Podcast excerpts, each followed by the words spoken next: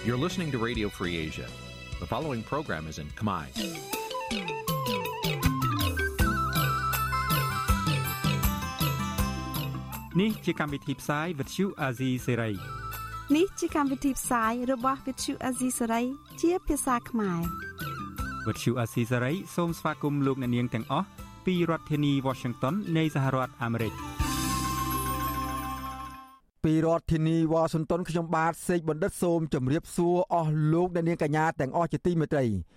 យើខ្ញុំសូមជូនកម្មវិធីផ្សាយសម្រាប់ព្រឹកថ្ងៃប្រហោះ4កើតខែអាសត់ឆ្នាំខាលចត្វាស័កពុទ្ធសករាជ2566ត្រូវនៅថ្ងៃទី29ខែកញ្ញា គ្រិស្តសករាជ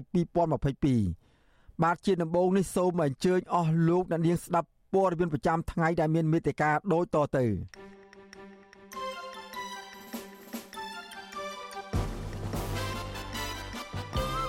អង្គការអន្តរជាតិបង្ហាញរបាយការណ៍ស្ដីពីទំនាក់ទំនងរវាងថ្នាក់ដឹកនាំកងកម្លាំងប្រដាប់អាវុធជាមួយនឹងក្រុមហ៊ុនចិនរឿងជួញដូរឈើខុសច្បាប់តុលាការចោទសួរលោកកម្មសខារឿងក្រុមយុវជនគណៈបករៀននៅក្រៅប្រទេស សកម្មជនបរិស្ថាន និងអ្នករិះគន់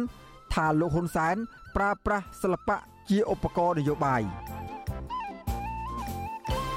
ពលរដ្ឋ49គ្រួសារមានចំនួនដីធ្លីជាមួយនឹងអង្គការគៀមផែន បន្តសុំអន្តរាគមពីនាយករដ្ឋមន្ត្រីរួមនឹងព័ត៌មានសំខាន់សំខាន់មួយចំនួនទៀតជាបន្តទៅទៀតនេះខ្ញុំបាទសេកបណ្ឌិតសូមជូនព័ត៌មានពិស្ដាបាទលោកអ្នកនាងកញ្ញាជាទីមេត្រីរបាយការណ៍មេធៀងនៃអំពើខុសច្បាប់នៅកម្ពុជា ដែលចេញផ្សាយដោយអង្គការគំនិតព្រួយផ្ដើមសកល ប្រឆាំងនឹងអ ுக ្រិតកម្មឆ្លងដែន បង្ហាញថាទំនាក់ទំនងរវាងថ្នាក់ដឹកនាំកងកម្លាំងប្រដាប់អាវុធជាមួយនឹងសមាគមប្រវត្តិសាស្ត្រវប្បធម៌ហុងមិនពិភពលោករបស់ចិន គឺជាការសម្រួលដល់ការដឹកជញ្ជូនឈើខុសច្បាប់ចេញពីកម្ពុជាមន្ត្រីសង្គមស៊ីវិលយល់ឃើញថារបាយការណ៍នេះគឺជាតម្រុយបន្ថែមទៀតអំពីបទល្មើសព្រៃឈើហើយរដ្ឋាភិបាលត្រូវតែស៊ើបអង្កេតឲ្យបានច្បាស់លាស់លើទំនាក់ទំនងដែលមិនប្រក្រតីនេះ បាទពីរដ្ឋធានីវ៉ាស៊ីនតោន លោកទីនសាការីយ៉ារាយការណ៍ជុំវិញព័ត៌មាននេះរបាយការណ៍របស់អង្គការកំណត់ដោយផ្ដាមសកល ប្រឆាំងនឹងអក្រិតកម្មឆ្លងដែន Global Initiative ដែលមានចំណងជើងថាមេធៀងនៃអំពើខុសច្បាប់នៃរចនាសម្ព័ន្ធកັບឈើខុសច្បាប់នៅកម្ពុជាដែលបានចេញនៅក្នុងខែកញ្ញានេះបង្ហាញពីទំនាក់ទំនងជិតស្និទ្ធរវាងអតីតមេខ្លោងអក្រិតជនចិននិងថ្នាក់ដឹកនាំជាន់ខ្ពស់កម្ពុជា ក្នុងការសម្រួលឲ្យសកម្មភាពខុសច្បាប់ មានដូចជាការលាងសម្អាតលុយកខ្វក់ ការកាប់ឈើនិងដឹកជញ្ជូនឈើឆ្លងដែនคล้ายជាមុខចំនួនស្របច្បាប់របាយការណ៍ស្រាវជ្រាវរបស់អង្គការអន្តរជាតិមួយនេះបញ្ជាក់ថាជនជាតិចិនម៉ាកាវដែលធ្លាប់ជាប់ឃុំ14ឆ្នាំពីបទជួញដូរមនុស្សជួញដូរថ្នាំញៀននិងបើកបនលបែងខុសច្បាប់លោកវ៉ាន់កុកខុយហៅអាបាក់ថ្មិញមានតំណែងតំណងចិត្តស្និទ្ធជាមួយមន្ត្រីជាន់ខ្ពស់កម្ពុជា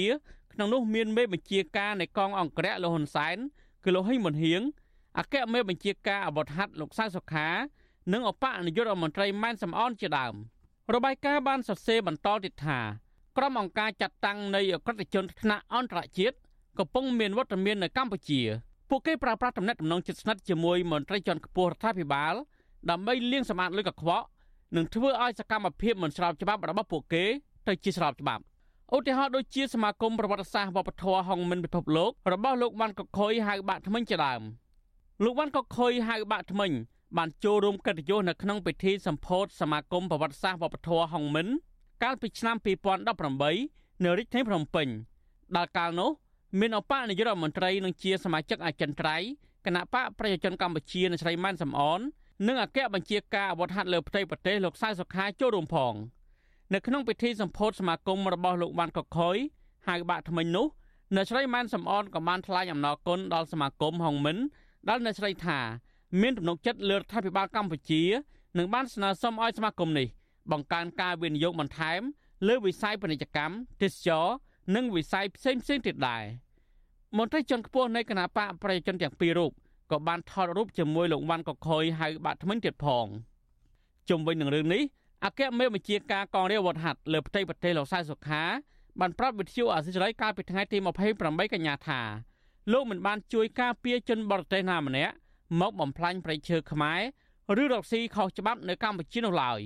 ទោះបីជាលោកទទួលស្គាល់ថាលោកបានជួបជនជាតិចិនច្រើនអ្នកតែលោកអះអាងថាលោកមិនស្គាល់លោកវ៉ាន់កខុយហៅបាក់ថ្មីនោះទេ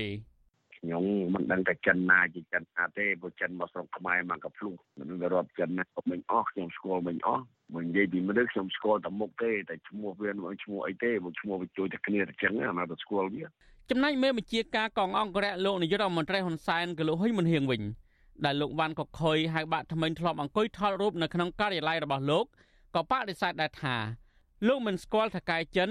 ដែលមានឈ្មោះនៅក្នុងបញ្ជីខ្មៅរបស់អាមេរិកនោះឡើយលោកហ៊ីងប៊ុនហៀងបដិសេធថាលោកក៏មិនដាររស៊ីខុសច្បាប់ជាមួយបកគលនេះទេ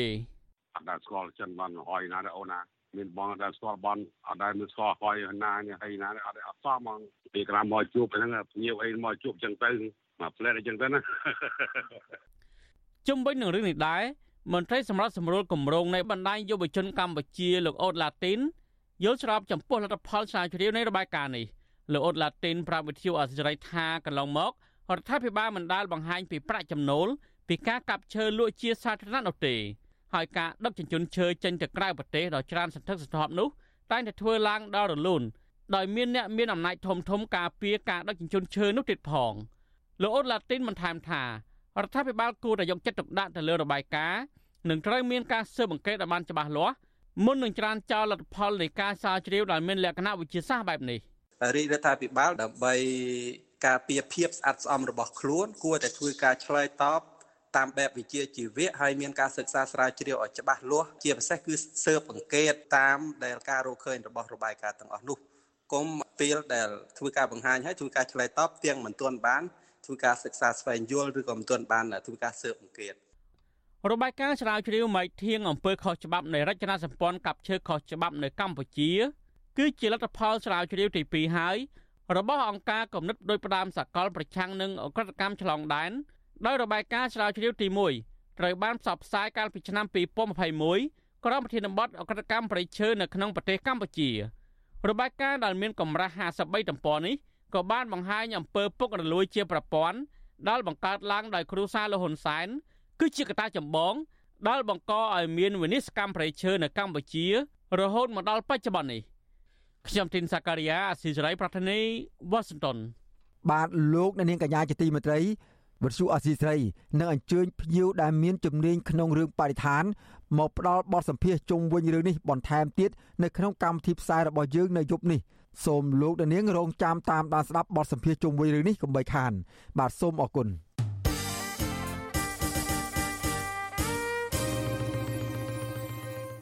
បាទលោកអ្នកនាងកញ្ញាជាទីមេត្រីមជ្ឈមណ្ឌលសិទ្ធិមនុស្សកម្ពុជា គ្រោងបង្ហាញលទ្ធផលការងារការពារសិទ្ធិមនុស្សក្នុងរយៈពេល20ឆ្នាំ ដែលអង្គការនេះបានបំពេញដើម្បីលើកកម្ពស់សិទ្ធិមនុស្សនិងលទ្ធិប្រជាធិបតេយ្យនៅកម្ពុជាមជ្ឈមណ្ឌលសិទ្ធិមនុស្សកម្ពុជានឹងផ្សព្វផ្សាយវីដេអូជាសាធារណៈរបស់អ្នករងគ្រោះនិងពលរដ្ឋដែលទទួលផលពីការងាររបស់អង្គការនេះចាប់តាំងពីថ្ងៃទី1ខែតុលាខាងមុខជាមួយគ្នានេះមជ្ឈមណ្ឌលនឹងចែកនៅសិភៅនិងឯកសារបោះពុម្ពផ្សាយនានាដោយឥតគិតថ្លៃ មជ្ឈមណ្ឌលសិទ្ធិមនុស្សកម្ពុជាបញ្ជាក់ថារយៈពេល20ឆ្នាំមកនេះមជ្ឈមណ្ឌលបានប្រឹងប្រែងដោះស្រាយបញ្ហាសិទ្ធិមនុស្សជាច្រើនមជ្ឈមណ្ឌលក៏បានផ្ដល់ការគាំទ្រដល់ពលរដ្ឋនិងអ្នកការពារសិទ្ធិមនុស្សសកម្មជន អ្នកសារព័ត៌មានជាស្ត្រី អ្នកស្រឡាញ់ភេទដូចគ្នា និងសហគមន៍ដែលខ្វះខាត ដើម្បីទាមទារសិទ្ធិពលរដ្ឋនិងសិទ្ធិនយោបាយតាមរយៈការអប់រំសិទ្ធិមនុស្សការពង្រីកអំណាច និងការតស៊ូមតិ មជ្ឈមណ្ឌលសិទ្ធិមនុស្សកម្ពុជារំពឹងថាការងារស្នូលរបស់ខ្លួននឹងរួមចំណែកលើកកម្ពស់និងការពារសិទ្ធិមនុស្សលទ្ធិប្រជាធិបតេយ្យនិងនីតិរដ្ឋសម្រាប់ប្រជាពលរដ្ឋទាំងអស់ការងារស្នូលដែលមជ្ឈមណ្ឌលសិទ្ធិមនុស្សបានបំពេញរហូតមកដល់ខួប20ឆ្នាំនៅខែតុលាឆ្នាំ2022នេះរួមមានការការពារសេរីភាពជាមូលដ្ឋាន កំណែតម្រង់ប្រព័ន្ធតុលាការ និងនីតិរដ្ឋសមភាពនិងការមិនរើសអើងធុរកិច្ចនិងសិទ្ធិមនុស្ស ការចូលរួមរបស់ប្រជាពលរដ្ឋការស្រាវជ្រាវការតស៊ូមតិនិងគោលនយោបាយ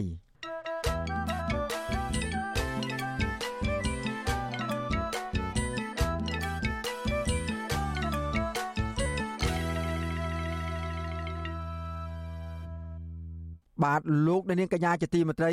ពលរដ្ឋចំនួន49គ្រួសាររស់នៅចំណុចចំរាំងឃុំកៅផុសខេត្តបរសេនុ ដែលមានទំនាស់ដីធ្លីជាមួយនឹងលោកអង្ញាជាមផែនដែលជាថៅកែស្រាបៀលីអូ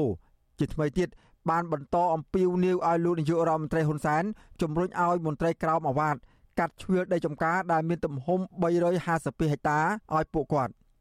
មន្ត្រីសង្គមស៊ីវិលនិងអាជ្ញាធរចាប់ពីថ្នាក់មូលដ្ឋានទទួលស្គាល់ថាពលរដ្ឋទាំង49គ្រួសារនោះ ពិតជាមិនទាន់ទទួលបានចំណែកដីចំការដើម្បីបង្កបង្កើនផលពិតប្រាកដមែនបាទពីរដ្ឋធានីវ៉ាស៊ីនតោនអ្នកស្រីម៉ៅសុធីនីរាយការណ៍ជុំវិញព័ត៌មាននេះប្រជាពលរដ្ឋទាំង49គ្រួសារធ្លាប់បានអះអាងប្រាប់វិទ្យុអសីសេរី ថាដីចំការសរុបមានទំហំផ្ទៃដី352ហិកតា ដែលប្រមុខដឹកនាំប្រកាសផ្ដាល់ជូនគឺនៅមិនទាន់បានធ្លាក់ដល់ដៃពួកគាត់មួយចំអាមនៅឡើយ ជាងនេះទៅទៀតដីចំការរបស់ពួកគាត់ត្រូវបានភៀកគីលោកឈៀមផែនបានដាំដើមព្រៀងខ្យល់និងដើមឈើផ្សេងទៀតដោយគ្មានអាជ្ញាធរពាក់ព័ន្ធចេញមុខហាមឃាត់ឬក៏ជួយទប់ស្កាត់ដីមានចំនួននោះឡើយ តំណាងបរដ្ឋ49កុសាម្នាក់ដែលបានជាប់ពន្ធនាគារ3ឆ្នាំដោយសារតែបញ្ហានេះលោកចិនវ៉ាន់ដេតប្រាប់វិទ្យុស៊ីស្រីនៅថ្ងៃទី28ខែកញ្ញាថាទំនាស់ដីធ្លីនេះគឺកើតមានឡើងតាំងពីឆ្នាំ2006ជាមួយអុកញ៉ាជាមផែនដោយប្រជាប្រដ្ឋទាំង49គ្រួសារបានប្តឹងទៅកាន់អាជ្ញាធរភូមិឃុំនិងថ្នាក់ខេត្ត លោកបន្តថាឆ្នាំ2008ក្រសួងមហាផ្ទៃបានបង្កើតគណៈកម្មការមួយចុះធ្វើអធិការកិច្ចនិងស្រាវជ្រាវធ្វើរបាយការណ៍ទៅលោកនាយករដ្ឋមន្ត្រីហ៊ុនសែនដោយបានបង្ហាញថាបរិវត្ត49គូសាពិតជាបានរស់នៅស្របច្បាប់ នៅលើដី352ហិកតានោះ លោកបន្ថែមថាក្រោយពីចេញសជូនណឆ្នាំ2008ប្រកល់ដីមកឲ្យប្រជាពលរដ្ឋបញ្ញាធិបពពន់បានខុបខិតជាមួយលោកឈៀមផែននិងឲ្យផ្អាកការអនុវត្តសជូនណហើយបានធ្វើរបាយការណ៍ខ្លែងបន្លំ និងប្រកល់ដីទៅឲ្យលោកឈៀមផែនវិញប៉ុន្តែបរដ្ឋបានប្តឹងជំទាស់ហើយក៏មានការសម្របសម្រួលក៏ប៉ុន្តែនៅមិនទាន់បានដោះស្រាយអ្វីនោះទេ ហើយលោកជៀមផែនក៏បានប្តឹងបរដ្ឋទៅតុលាការ និងចាប់លោកដាក់ពន្ធនាគាររយៈពេល3ឆ្នាំលោកចិនបណ្ឌិតសង្កត់ធ្ងន់ថាកាលពីឆ្នាំ2013មានការបង្ហោះសារតាមបណ្ដាញសង្គម Facebook ដល់លោកនាយករដ្ឋមន្ត្រីហ៊ុនសែនជំវិញការឈូសឆាយផ្ទះសម្បែងហើយលោកនាយករដ្ឋមន្ត្រីហ៊ុនសែនក៏បានចេញសេចក្តីសម្រេចមួយដើម្បីឲ្យលោកប៊ិនឈិនបង្កើតក្រុមការងារដោះស្រាយបញ្ហាដីធ្លីនេះ ក៏ប៉ុន្តែលោកប៊ិនឈិនបែរជាខុបខិត ជាមួយលោកឈៀមផែននិងប្រកូលដីបរដ្ឋទាំង49កុសានោះតែឲ្យលោកឈៀមផែនទៅវិញហើយបន្តប្រើប្រាស់ប្រព័ន្ធតឡាការចាប់បរដ្ឋជាបន្តបន្ទាប់លោកចិនវ៉ាន់ដេតចាត់ទុកទង្វើរបស់អាញាធរនិងលោកឈៀមផែន ថាខុបខិតគ្នារំលោភយកដីបរដ្ឋដោយអយុត្តិធម៌និងអំពាវនាវដល់លោកនាយករដ្ឋមន្ត្រីហ៊ុនសែនឲ្យជួយអន្តរាគមន៍ដោះស្រាយជូនពួកគាត់ គណៈកម្មការជាតិក៏ដោយថ្នាក់ជាតិក៏ដោយនៅពេលដែលគេខົບខិតជាមួយនឹងពលរដ្ឋភាគច្រើនគេយល់ថាពលរដ្ឋនឹងជាពលរដ្ឋប្រឆាំងពលរដ្ឋនឹងជាគណៈបកនេះពលរដ្ឋនឹងជាគណៈបកនោះគេធ្វើដើម្បីស្នើទៅថ្នាក់លើដើម្បីទម្លាក់កំហុសមកឲ្យពលរដ្ឋក្នុងនាមជាពលរដ្ឋដែលស្លូតត្រង់ក្នុងនាមពលរដ្ឋដែលរស់នៅពិតប្រាកដអញ្ចឹងឯកសារផ្លូវច្បាប់ផ្សេងៗគេមិនយកជាសំអាងគេគ្រាន់តែយកលេសជូនទៅថ្នាក់លើថាពលរដ្ឋជាគណៈបកនេះពលរដ្ឋជាគណៈបកនោះធ្វើឲ្យពលរដ្ឋបាត់បង់ភាពយុត្តិធម៌ក្នុងសង្គម តកតិនបញ្ហានេះមេភូមិកែផុសលោកអិនកាន់ធឿនថ្លែងថា ការសម្របសម្រួលនយោបាយឈ្នះឈ្នះដែលមានតំណាងរបស់លោកប៊ិនឈិនមកចរចាជាមួយប្រជាប្រដ្ឋនោះគឺដោះដូរដីនៅទីកន្លែងថ្មី និងផ្ដល់ឲ្យតែ160ហិកតាប៉ុណ្ណោះប៉ុន្តែបរដ្ឋមិនព្រមទទួលយកពីព្រោះដីតិចតួចនិងនៅឆ្ងាយ។ លោកអិនកាន់ធឿនអះអាងថាកាលពីឆ្នាំ2018រដ្ឋាភិបាលក៏បានចេញសចលនកាត់ដី352ហិកតាទៅឲ្យលោកជាមផែន ហើយទទួលស្គាល់ដីបរតតែ32ហិកតាប៉ុណ្ណោះ ខាងគណៈជាតិហ្នឹងខាងគណៈកម្មការរបស់ដីធ្លីគណៈជាតិហ្នឹងចុះមកសម្រាប់យល់អា352ហ្នឹងកាត់ឲ្យ160ប៉ុន្តែជារដ្ឋអត់ព្រមហ្នឹងក៏រឿងហ្នឹងក៏2018ហ្នឹងចេញថាទៅមកមកដីហ្នឹងគេគូស្គាល់ទៅ54គីឡូក្រោយពីហ្នឹងគឺកាត់បើជាផែនវិញអស់ហ្នឹងសចនហ្នឹងក៏អត់បានប្រកាសអីតែដឹងថាសចនមាន2018 ចំណែកឯអតីតមេភូមិកែផុសលោកនងឌីណារ៉ាក៏បានទទួលស្គាល់ថាបរដ្ឋទាំង49កុសាពិតជាមិនទាន់បានទទួលចំណែកដីចំការទាំងនោះប្រកាសមែនលោកថាតាមការសង្កេតជាក់ស្ដែងបរដ្ឋទាំង49កុសានោះ កំពុងជួបប្រទះការខ្វះខាត និងជួបទុក្ខកង្វល់ជារៀងរាល់ថ្ងៃ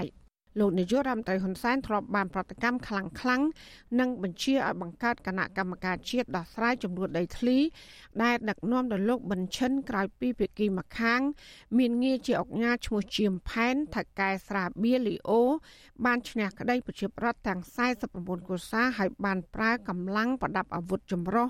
ចុះកាងការពារប្រើគ្រឿងចាក់ឈូសកំទេចផ្ទះនិងផលដំណាំប្រជាប្រដ្ឋទាំងនោះកាលពីឆ្នាំ2013 វជ្ជអសីស្រីមិនអាចតកតងแนะនាំពាក្យក្រសួងរៀបចំដែនដីនិងនគររូបនីយកម្មសំណង់លោកសេងលូតនិងអភិបាលខេត្តបរសៃហនុលោកគួចចម្រើននិងលោកឈៀមផែនដើម្បីធ្វើការអធិប្បាយជុំវិញបញ្ហានេះនៅថ្ងៃទី28ខែកញ្ញាបានទេជុំវិញរឿងនេះនាយកផ្នែកស៊ើបអង្កេតអង្គការសិទ្ធិមនុស្សលីកាដូលោកអំសំអាតយល់ឃើញថាប្រជាប្រដ្ឋទាំងនោះរងភាពអយុត្តិធម៌លោកថាអាញាធរមូលដ្ឋាន បានទទួលស្គាល់ថាប្រដ្ឋទាំងនោះពិតជាបានកាន់កាប់ដីធ្លីទាំងនោះមែនលោកបន្ថែមថាការដែលរដ្ឋាភិបាលមិនទាន់ដោះស្រាយបញ្ចប់ចំនួនដីធ្លីនេះអាជ្ញាធរមិនគួរផ្ដល់ឲ្យភាគីចំនួនមកខាងទៀតនោះឡើយលោកអំសំអាតយល់ឃើញថារដ្ឋាភិបាល គួរបង្កើតក្រុមការងារដោះស្រាយដែលមានភាពឯករាជ្យនិងតម្លាភាព ដើម្បីឲ្យវិបត្តិចំនួនដីធ្លីដ៏រ៉ាំរ៉ៃត្រូវបានបញ្ចប់ ដោយសារតែបរដ្ឋកំពុងជួបបញ្ហាលំបាកច្រើនគ្មានដីសម្រាប់ធ្វើកសិកម្មបង្កបង្កើនផលបងប្អូនប្រជាពលរដ្ឋនឹងនៅតែជួបភាពអយុត្តិធម៌នឹងពីព្រោះសោចំណលរបស់រដ្ឋាភិបាលតាំងពីឆ្នាំ2013ហើយដល់2018ហើយបីដូចជាមានការទទួលស្គាល់ខុសគ្នាដោយមិនទាន់មានការដោះស្រាយបញ្ហាជូនប្រជាពលរដ្ឋផងហើយទៅបកគលដីនឹងទៅឲ្យភាគីម្ខាងទាំងស្រុងក៏មិនមែនជាដំណោះស្រាយល្អដែរ ប្រជាប្រដ្ឋទាំង49គូសាននិងសង្គមស៊ីវិលសង្ឃឹមថាលោកនាយករដ្ឋមន្ត្រីហ៊ុនសែននឹងជួយអន្តរាគមន៍ កាត់ជ្រឿដីចំការចំនួន352ហិកតាប្រគល់ទៅឲ្យពួកគាត់ដើម្បីអាចបង្កបង្កើនផលដំណាំកសិកម្មដោយពេលមុនមុនឲ្យបានឆាប់ឆាប់ពីព្រោះសកម្មភាពក្រុមហ៊ុនរបស់លោកអុកញ៉ាជាមផែននេះបានបន្តដាំដើមឈើនិងដើមព្រៀងខ្យល់នៅលើដីចំការពួកគាត់ដែលធ្លាប់បង្កបង្កើនផលកន្លងមកដោយគ្មានអាជ្ញាធរណាហាមឃាត់នោះឡើយចាននាងខ្ញុំម៉ៃសុធានីវិទ្យុអាស៊ីសេរីប្រធានាធិបតី Washington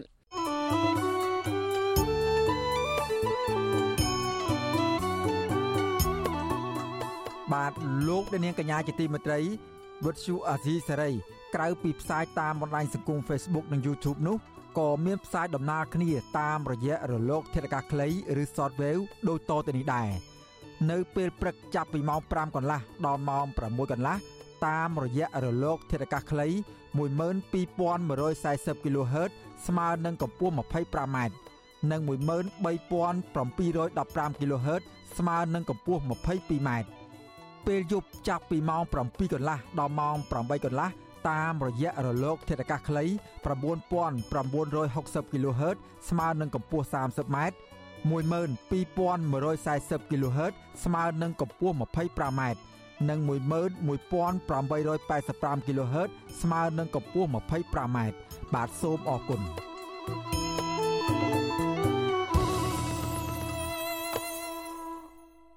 បាទលោកអ្នកនាងកញ្ញាជាទីមេត្រីពាក់ព័ន្ធរឿងរ៉ាវដ៏ចម្រូងចម្រាសរបស់មេដឹកនាំគណៈបកសង្គ្រោះជាតិវិញម្ដងតុលាការក្រុងភ្នំពេញកាលពីថ្ងៃម្សិលមិញបានចោទប្រកាន់សកម្មជនគណៈបកសង្គ្រោះជាតិដែលចេញទៅចូលរួមវគ្គបណ្ដុះបណ្ដាលនៅប្រទេសឥណ្ឌូនេស៊ី ថាជាគម្រោងធ្វើបដិវត្តពណ៌ទោះយ៉ាងណាលោកកំសខាប្រាប់តុលាការថាលោកមិនបានដឹងអំពីរឿងនេះទេហើយវគ្គសិក្សានោះទៀតសោតក៏មិនមែនជាការរៀបចំរបស់គណៈបកប្រឆាំងនោះដែរសំណុំរឿងក្បត់ជាតិរបស់លោកកំសខា នៅថ្ងៃទី28កញ្ញាតុលាការបានលើកយកអង្គហេតុសំខាន់ចំនួន2មកចោទសួរលោកកំសខា គឺយុទ្ធនាការថ្ងៃច័ន្ទពណ៌ខ្មៅ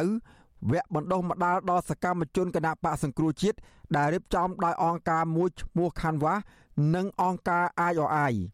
ស្ថានភាពនៅក្នុងបន្ទប់សវនាការលើកទី58នេះនៅតែមានភាពក្តៅគគុកការជជែកគ្នាតឹងសរសៃក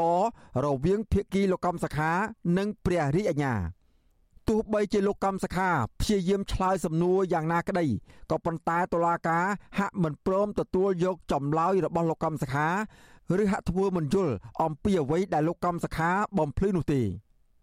មេធាវីការពីក្តីលោកកំសខាម្នាក់គឺលោកផែងហេងឲ្យដឹងក្រោយបញ្ចប់សវនាការថា ការធ្វើបដិវត្តពណ៌ដែលតុលាការចោទប្រកាន់លោកកម្មសខាគឺតាក់ទងនឹងអង្គហេតុនៃការបណ្ដុំបណ្ដាលសកម្មជនគណបកសង្គ្រោះជាតិនៅប្រទេសឥណ្ឌូនេស៊ី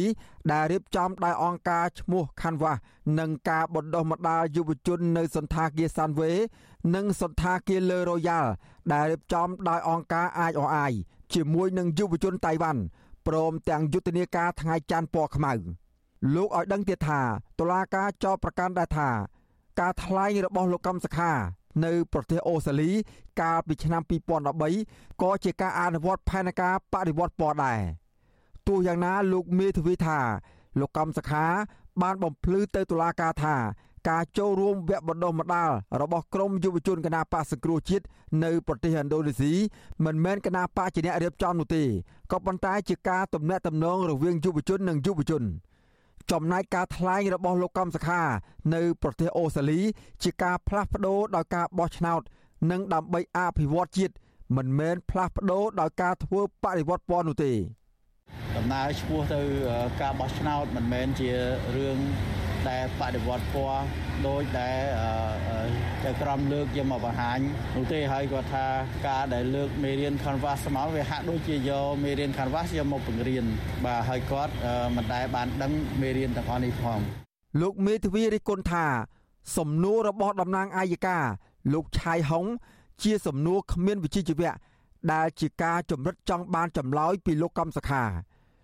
លោកឲ្យដឹងទៀតថា លោកកំសខានៅតែរក្សាជំហរដដែលគឺលោកបំភ្លឺតែអង្គហេតុដែលលោកបានដឹង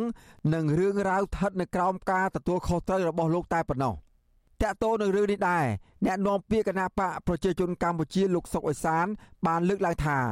បើលោកកំសខា នៅតែឆ្លើយដោះសារមិនទទួលស្គាល់ការពិត នោះការកាត់ក្តីសំណុំរឿងនេះមិនងាយនឹងបញ្ចប់បាននោះទេលោកសុកអេសាននិយាយជំនួសតុលាការថា បើទោះតុលាការរកភ័ស្តុតាងយ៉ាងណាក្តីប៉ុន្តែទាមទារឲ្យលោកកម្មសខាទទួលស្គាល់នៅទង្វើរបស់ខ្លួនតឡាការខ្ញុំមើលទៅតឡាការសួរឲ្យសួរទៀតសួរឲ្យសួរទៀតរហូតដល់សម័យជនទទួលស្គាល់ការពិតអាហ្នឹងបានចប់បើថាគាត់នៅមិនទទួលស្គាល់ទេដំណើរការនីតិវិធីនៅតែទៅមុខចឹងបាទពីព្រោះបកែកក៏អត់កើតដែរមិនបកែកក៏អត់បានដែរមន្ត្រីគណៈបកកណ្ដាលអំណាចលើកឡើងដូចនេះគណៈតុលាការក្រុងភ្នំពេញ បានអូសបន្លាយសំណុំរឿងលោកកំសខា ជាង5ឆ្នាំក៏ហើយដោយមិនទាន់រកទីបញ្ចប់ឃើញនៅឡើយប៉ុន្តែតុលាការបានរំលាយគណៈបកសង្គ្រោះជាតិនិងបំបិទសិទ្ធិនយោបាយរបស់លោកកំសខានាយកទទួលបន្ទុកកិច្ចការទូតនៃអង្គការលីកាដូលោកអំសំអាត ដែលមានក្រុមរបស់លោកតាមដានឃ្លាំមើលសវនាការនោះបានឲ្យវិទ្យុអស៊ីសេរីដឹងថាអង្គហេតុដែលតុលាការចោទប្រកាន់មិនជាប់ពាក់ព័ន្ធនឹងសំណុំរឿងរបស់លោកកំសខាទេ លោករំលឹកថាយុទ្ធនាការថ្ងៃច័ន្ទពណ៌ខ្មៅ គឺជាការទៀមទារបស់អង្គការសង្គមស៊ីវិលដែលការទៀមទានៅពេលនោះគឺស្នើសុំឲ្យមានការដោះលែងសកម្មជនសិទ្ធិមនុស្ស5រូបដែលត្រូវបានសមត្ថកិច្ចចាប់ឃុំខ្លួនមើលទៅហាក់ដូចជាมันមានតំណាក់តំណងជាមួយនឹងបទចោតនឹងតទៅសោះអញ្ចឹងខ្ញុំគិតថាអង្គហេតុទីដែលយកមកសួរនេះវាអាចនឹងធ្វើឲ្យមានការអូសបន្លាយពេលវេលានៃសវនាការនឹងកាន់តែយូរថែមទៀតណា សវនាការលើកទី58នេះនៅតែស្ថិតនៅក្នុងការតាមដានពីតំណាងអង្គទូតមន្ត្រីអង្គការសហប្រជាជាតិនិងមន្ត្រីអង្គការសង្គមស៊ីវិលបន្តចូលរួមឃ្លាំមើលនៅក្នុងបន្ទប់តុលាការដោយសពដងដែរចំណែកនៅខាងក្រៅរបងតុលាការវិញក៏មានអ្នកគាំទ្រលោកកម្មសខាប្រមាណ40នាក់បន្តមកឃ្លាំមើលនៅខាងមុខតុលាការដោយស្ថិតនៅក្រោមការយាមកាមយ៉ាងតឹងរឹងពីក្រមសមត្ថកិច្ច តុលាការនៅបន្តសវនាការសំណុំរឿងលោកកំសខានៅថ្ងៃទី5ខែតុលាសប្តាហ៍ក្រោយបន្តទៀតនាយកទទួលបន្ទុកកិច្ចការទូតនៃអង្គការលីកាដូលោកអំសំអាតឲ្យដឹងថាសវនាការលើកទី59ខាងមុខតុលាការគ្រូងនឹងកោះហៅសាកសីមួយចំនួនតាក់ទងនឹងយុទ្ធនាការថ្ងៃច័ន្ទពណ៌ខ្មៅនិងអ្នកចូលរួមវគ្គបណ្ដុះបណ្ដាលរបស់អង្គការ Canvas និងអង្គការ IOI បាទលោកអ្នកនាងកញ្ញាជាទីមេត្រីលោកនាយករដ្ឋមន្ត្រីហ៊ុនសែននិងនាយករដ្ឋមន្ត្រីជប៉ុនជួបពិភាក្សាអំពីបញ្ហានៅក្នុងតំបន់និងកិច្ចសហប្រតិបត្តិការសេដ្ឋកិច្ចនៅថ្ងៃទី28ខែកញ្ញាជំនួបពិភាក្សានេះធ្វើឡើងនៅក្នុងពេលដែលលោកហ៊ុនសែនទៅចូលរួមបុណ្យសពអតីតនាយករដ្ឋមន្ត្រីជប៉ុនលោកស៊ិនស៊ូអាបេនៅទីក្រុងតូក្យូប្រទេសជប៉ុនអ្នកវិភាគនយោបាយលើកឡើងថាកម្ពុជានឹងមិនទទួលបានផលប្រយោជន៍ច្រើនពីទំនាក់ទំនង ជាមួយនឹងប្រទេសជប៉ុននោះឡើយប្រសិនបើលោកហ៊ុនសែនបន្តលំអៀងខ្លាំងទៅរកប្រទេសចិនកុម្មុយនីសហើយមិនព្រមស្ដារលទ្ធិប្រជាធិបតេយ្យនិងការគោរពសិទ្ធិមនុស្សនៅក្នុងប្រទេសកម្ពុជាឲ្យល្អប្រសើរឡើងវិញនោះទេបាទអ្នករាយការណ៍របស់វិទ្យុអាស៊ីសេរីពីតំបន់អាស៊ីប៉ាស៊ីហ្វិកលោកថាថៃរាយការណ៍ជុំវិញព័ត៌មាននេះលោកនាយករដ្ឋមន្ត្រីហ៊ុនសែនបានឆ្លៀតពេលពីការចូលរួមបន់សពលោកស៊ីនស៊ូអាបេនោះលោកបានជួបជាមួយនាយករដ្ឋមន្ត្រីជប៉ុនលោក Fumio Kishida ដើ ម្បីពិភាក្សាការងារលើប្រធានបទមួយចំនួនដូចជាទំនាក់ទំនងទ្វេភាគីបញ្ហាក្នុងតំបន់និងអន្តរជាតិនៅមុនកិច្ចប្រជុំកំពូលអាស៊ានជប៉ុននិងកិច្ចប្រជុំកំពូលអាស៊ីបូព៌ាមកដល់លោកហ៊ុនសែនបានបង្ហោះសារលើទំព័រ Facebook នៅថ្ងៃទី28កញ្ញាថានាយករដ្ឋមន្ត្រីជប៉ុននឹងចូលរួមកិច្ចប្រជុំកំពូលអាស៊ានជប៉ុននិងកិច្ចប្រជុំអាស៊ីបូព៌ានៅខែវិច្ឆិកាខាងមុខនៅកម្ពុជាតាមការអញ្ជើញរបស់លោកលោកបន្តថាក្នុងជំនួបនោះភាគីទាំងពីរ ក៏បានជជែកអំពីការពង្រឹងកិច្ចសហប្រតិបត្តិការលើវិស័យសេដ្ឋកិច្ចជាពិសេសជប៉ុននឹងបង្កើតរោងចក្រក្រុមហ៊ុន Toyota នៅប្រទេសកម្ពុជាព្រមទាំងស្នើសុំការគាំទ្រក្រុមហ៊ុនរបស់ជប៉ុនប្រតិបត្តិការធុរកិច្ចនៅកម្ពុជានាយករដ្ឋមន្ត្រីជប៉ុនបន្តថាដំណើរទស្សនកិច្ចរបស់លោកទៅកាន់ប្រទេសកម្ពុជានៅខែវិច្ឆិកាខាងមុខនេះនឹងពង្រឹងពង្រីកប្រតិបត្តិការជាមួយប្រទេសកម្ពុជាលោកវីម៉ាអូគីស៊ីដាក៏ស្នើសុំឲ្យលោកហ៊ុនសែនគាំទ្រជប៉ុនក្នុងក្របខ័ណ្ឌរវាងអាស៊ាននិងជប៉ុនផងដែរ លើសពីនេះមេដឹកនាំប្រទេសទាំងពីរក៏បានពិភាក្សាផ្លាស់ប្តូរមតិគ្នាជុំវិញបញ្ហានៅមីយ៉ាន់ម៉ាបញ្ហានៅសមុទ្រចិនខាងត្បូងនិងនៅឧបទ្វីបកូរ៉េព្រមទាំងសង្គ្រាមនៅអ៊ុយក្រែនក្រៅពីនេះលោកហ៊ុនសែនកាលពីថ្ងៃទី27ខែកញ្ញាក៏បានឆ្លៀតជួបទទួលទានអាហារពេលព្រឹកនិងពិភាក្សាការងារជាមួយប្រធានាធិបតីវៀតណាមលោកងវៀនស៊ុនហ្វុកអំពីទំនាក់ទំនងកិច្ចសហប្រតិបត្តិការគ្រប់វិស័យព្រមទាំងបានឯកភាពគ្នាក្នុងការបន្តដោះស្រាយការងារមួយចំនួនដែលនៅសេសសល់ ពិសេសលើបញ្ហាបោះបង្គោលព្រំដែននៃប្រទេសទាំងពីរឲ្យកាន់តែឆាប់រហ័សចំពោះជំនួបរបស់លោកហ៊ុនសែននិងនាយករដ្ឋមន្ត្រីជប៉ុនវិញអ្នករិះគន់លើកឡើងថាកម្ពុជានឹងមិនទទួលបានផលប្រយោជន៍ធំដុំឡើយប្រសិនបើលោកហ៊ុនសែនគ្មានជំហរឯករាជ្យក្នុងការដោះស្រាយបញ្ហាក្នុងតំបន់និងមិនព្រមស្ដារប្រជាធិបតេយ្យនិងការគោរពសិទ្ធិមនុស្សទេនោះប្រធានចលនាសង្គ្រោះជាតិនៅប្រទេសជប៉ុនលោកហៃវ៉ាណាថ្លែងថា វត្តមានលោកហ៊ុនសែនទៅគោរពវិញ្ញាណក្ខន្ធរបស់លោកស៊ីនស៊ូអាបេមិនចេញពីចិត្តឡើយព្រោះលោកមិនបានស្ដារប្រជាធិបតេយ្យតាមការស្នើសុំរបស់លោកអាបេកាលនៅមានជីវិតនិងមិនបានប្រើប្រាស់ជំនួយរបស់ជប៉ុនឲ្យបានត្រឹមត្រូវ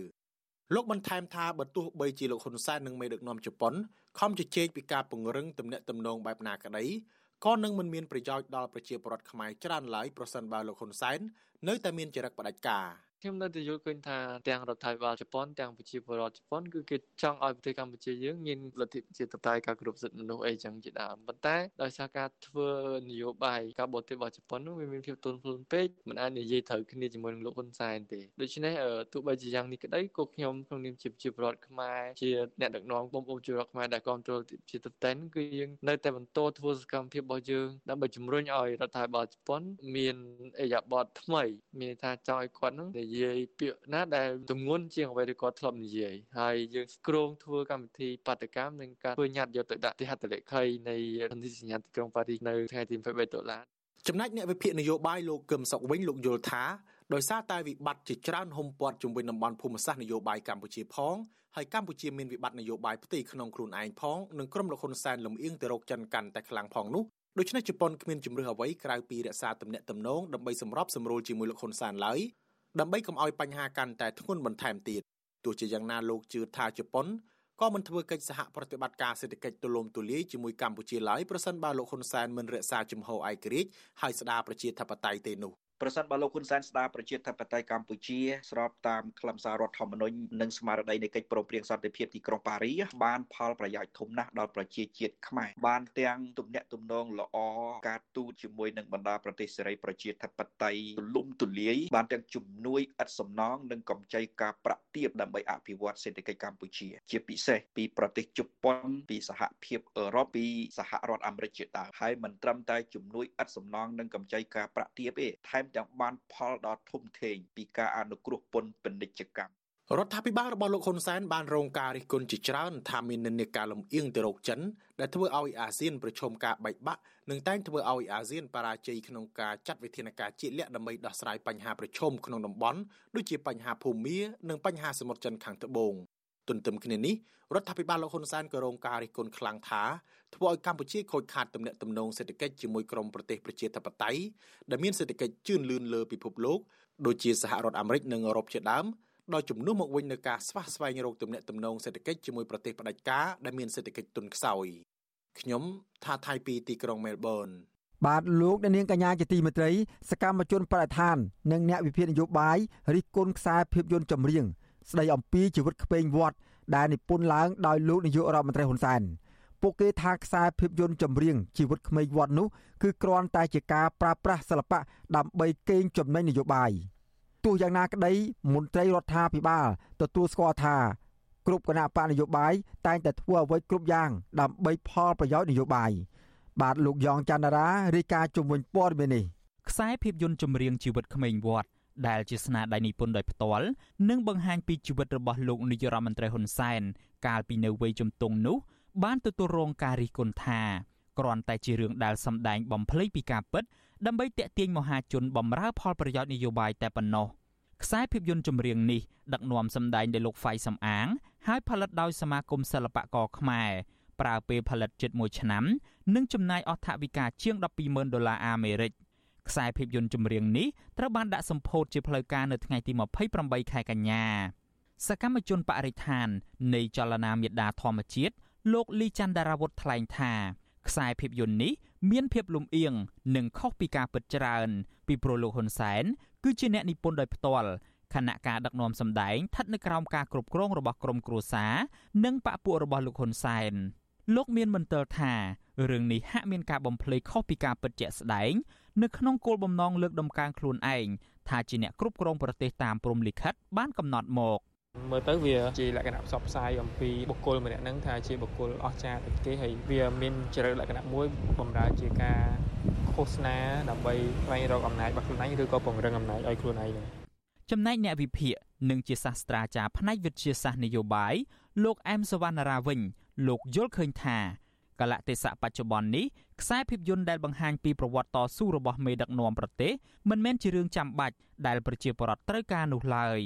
លោកបន្តថាលោកហ៊ុនសែនមានភារកិច្ចត្រូវដោះស្រាយបញ្ហាចំពោះមុខដែលប្រជាពលរដ្ឋកំពុងរងចាំដំណោះស្រាយនិងយុត្តិធម៌ជាជាងការឃោសនាស្វែងរកប្រជាប្រិយភាពតាមសិល្បៈលោកបន្ថែមថាអ្នកនយោបាយអាចស្វែងរកការគ្រប់គ្រងនិងប្រជាប្រិយភាពតាមរយៈខ្សែភាពយន្តនេះបានលុះត្រាតែវិស័យសិល្បៈកម្ពុជាមានការរីកចម្រើនជាងនេះនិងសាច់រឿងបង្ហាញពីការពិតជាក់ស្ដែងស្របទៅតាមទស្សនវិជ្ជាសង្គម នយោបាយអាចទទួលបានផលវិជ្ជមាននិងផលអវិជ្ជមានផលវិជ្ជមាននៅក្នុងករណីដែលខ្លួនឯងផលិតទៅវាល្អហើយដឹកនាំទៅវាល្អវិជ្ជមានហើយក៏ប៉ុន្តែកាលណាផលិតបានល្អទៅខ្សែភាពយន្តហើយនឹងការដឹកនាំទៅខ្វះខាតធ្វើឲ្យជាបរដ្ឋប្រងទុកអាហ្នឹងក៏ជាឧបសគ្គមួយធំសម្រាប់សង្គមសម្រាប់ពលរដ្ឋមិនមានការគ្រប់គ្រងទេហើយអាចទទួលផលអវិជ្ជមានមកខ្លួនឯងវិញក៏មានដែរជុំវិញមតិរិះគន់ទាំងនេះអ្នកនាំពាក្យគណៈបកប្រជាជនកម្ពុជាលោកសុកអេសានលើកឡើងថា វាជារឿងធម្មតាដែលប្រមុខរដ្ឋាភិបាលអាចធ្វើអ្វីគ្រប់យ៉ាងដើម្បីស្វែងរកផលចំណេញឬទទួលបានការគាំទ្រពីប្រជាពលរដ្ឋក៏ប៉ុន្តែទន្ទឹមនឹងនេះលោកសុកអេសានលើកឡើងថាទោះជាមានការផ្សព្វផ្សាយឬឃោសនាយ៉ាងណាក្តីក៏ស្ថិតនៅលើការយល់ឃើញនិងការសម្រេចចិត្តរបស់ប្រជាពលរដ្ឋថានឹងត្រូវជ្រើសរើសគាំទ្រគណៈបកឬក៏មេដឹកនាំណាមួយដោយគ្មានការបង្ខិតបង្ខំនោះឡើយចំពោះថវិកាដែលចំណាយដើម្បីផលិតភាពយន្តចម្រៀងនេះវិញ លោកសុកអេសានមិនបានបញ្ជាក់ថាតើវាមកពីប្រភពណានោះទេវាដូចតែគ្នាទេអញ្ចឹងយើងកុំទៅតិទៀនខាងណាខាងណាក៏ដោយក៏ធ្វើដើម្បីផលចំណេញឲ្យក្រុមខ្លួនឲ្យបាក់ពួកខ្លួនដែរអាហ្នឹងវាជារឿងធម្មតាវិទ្យុអាស៊ីសេរីមិនអាចតាក់ទងអ្នកដឹកនាំសម្ដែងខ្សែភាពយន្តចម្រៀងនេះគឺលោកហ្វៃសំអាងដើម្បីបកស្រាយរឿងនេះបន្ថែមបាននៅឡើយទេនៅថ្ងៃទី28កញ្ញាកន្លងទៅលោកនាយរដ្ឋមន្ត្រីហ៊ុនសែនក៏ធ្លាប់បានបញ្ជាឲ្យគេថតកុនភៀក រឿងកូនប្រុសក្រោមពន្លឺព្រះច័ន្ទពេញបរមីដែលរៀបរាប់អំពីជីវិតរបស់លោកនៅក្នុងពេលពឹងវៀតណាមឲ្យរំដោះកម្ពុជាចេញពីរបបប៉ុលពតខណៈប្រពន្ធរបស់លោកក៏មានសិភៅផ្ទាល់ខ្លួនមួយផងដែរដែលមានចំណងជើងថាប៊ុនរ៉ានីភរិយាបុរសខ្លាំងនៃកម្ពុជា ថ្មីថ្មីនេះទៀតសោតក៏មានអ្នកនិពន្ធមួយចំនួន បានសម្រុកនិពន្ធសិភៅនិងចម្រៀងឬក៏ខ្សែភាពយន្តស្ដីអំពីក្រុមគ្រួសាររបស់លោកនាយរដ្ឋមន្ត្រីហ៊ុនសែនដែរ កាលពីខែសីហាសៀវភៅមួយក្បាលមានចំណងជើងថាក្តីសង្ឃឹមហ៊ុនម៉ាណីត្រូវបានគេសរសេរឡើង ដើម្បីបង្ហាញពីការតស៊ូនិងក្តីសង្ឃឹមក្នុងនាមជាកូនខ្មែរនិងជាកូនមេដឹកនាំប្រទេសរបស់លោកហ៊ុនម៉ាណីរំលងបានមួយខែសៀវភៅមួយក្បាលទៀតក្រោមចំណងជើងថាកូនប្រុសច្បងនាយរដ្ឋមន្ត្រីដំណើរឆ្ពោះទៅបន្តវេនហ៊ុនម៉ាណែតក៏ត្រូវបានគេបោះពុម្ពផ្សាយផងដែរខ្ញុំយ៉ងច័ន្ទដារាវិទ្យុអាស៊ីសេរីរាយការណ៍ពីរដ្ឋធានី Washington បាទលោកអ្នកនាងកញ្ញាជាទីមេត្រីពាក់ព័ន្ធនឹងអធិបុលនៃការបំរែបំរួលអាកាសធាតុវិញម្ដងអធិបុលខ្យល់ព្យុះបូកផ្សំនឹងទឹកជំនន់ទឹកភ្លៀងបណ្ដាលឲ្យជន់លិចតំបន់ទំនាបមួយចំនួននៃខេត្តចំនួន4នៃប្រទេសកម្ពុជា គឺខេត្តសៀមរាបបន្ទាយមានជ័យឧត្តរមានជ័យនិងខេត្តកំពង់ធំ នៅរយៈពេលមួយសប្តាហ៍ចុងក្រោយនេះ មន្ត្រីគណៈកម្មាធិការជាតិគ្រប់គ្រងគ្រោះមហន្តរាយបង្ហាញថាគ្រោះធម្មជាតិនេះបណ្ដាលឲ្យមនុស្សស្លាប់ចំនួន16នាក់និងខូចខាតផលដំណាំកសិករជិត100,000ហិកតាគិតត្រឹមថ្ងៃទី28ខែកញ្ញាម្សិលមិញ។បានអ្នកស្រីសូជីវីរាយការណ៍ជុំវិញព័ត៌មាននេះចំនួនទឹកភ្លៀងនិងឥទ្ធិពលព្យុះនៅបន្តគម្រាមកំហែងអាយុជីវិត ផលដំណាំផ្លូវថ្នល់សាលារៀននិងទ្រព្យសម្បត្តិសាធារណៈនៅក្នុងខេត្តភៀកពាយ័ព្យ ខេត្តជាប់បឹងទន្លេសាប និងខេត្តជាប់ព្រំដែនថៃដែលជាខេត្តកំពុងប្រឈមរងគ្រោះធ្ងន់ធ្ងរជាងគេប្រជាពលរដ្ឋខ្លះចាត់ទុកគ្រោះមហន្តរាយនេះថាជាសារព្រមានធ្ងន់ធ្ងរដាស់ស្មារតីឲ្យរដ្ឋាភិបាលត្រូវយកចិត្តទុកដាក់អភិរក្សព្រៃឈើនិងធនធានធម្មជាតិឡើងវិញកសិកររស់នៅស្រុកអង្គរធំខេត្តសៀមរាបលោកសៀមវ៉ាន់ប្រាប់វិទ្យុអាស៊ីសេរីនៅថ្ងៃទី28ខែកញ្ញានេះថាចំនួនទឹកភ្លៀង ធ្វើឲ្យខូចស្រូវនិងដំឡូងមីរបស់កសិកររាប់ពាន់ហិកតា នៅក្នុងឃុំចំនួន4នៃស្រុកអង្គរធំ លោកថាពលរដ្ឋកំពុងលំបាកវេទនាជួបអាសន្នធំដោយត្រូវខាត់បង់ធនធានច្រើន នៅគ្រាដែលដំឡូងមីរបស់កសិករក្នុងមួយគ្រួសារមានប្រមាណចន្លោះពី2ហិកតាទៅជាង10ហិកតា ប្រឈមការខូចខាតអស់រីឯដំណាំស្រូវនៅតំបន់ទំនាបក៏ប្រឈមការខូចខាតអស់ដែរ តាំងពីមកគុំរកធំនេះ4គុំមុននេះទាំងអស់ដែរចំណែកអាជ្ញាធរខេត្តសៀមរាបនិងកាកបាទក្រហមកម្ពុជាកាលពីថ្ងៃទី26ខែកញ្ញាបានយកស្បៀងអាហារនិងជំនួយមនុស្សធម៌ចែកជូនពលរដ្ឋរងគ្រោះនៅក្នុងស្រុកក្រឡាញ់ជាង500គ្រួសាររីឯពលរដ្ឋរស់នៅក្នុងស្រុកអង្គរជុំនិងស្រុកស្រីស្នំជិត500គ្រួសារក៏ទទួលបានជំនួយមនុស្សធម៌ពីអាជ្ញាធរខេត្តសៀមរាបដែរបាទទោះជាយ៉ាងណាលោកសៀមបានបន្ថែមថា ពលរដ្ឋរងគ្រោះមហន្តរាយនៅក្នុងឃុំចំនួន4នៃស្រុកអង្គរធំ នៅមិនទាន់ទទួលបានជំនួយមនុស្សធម៌ពីអាជ្ញាធរនៅឡើយទេ លោកថាពលរដ្ឋក្រីក្រ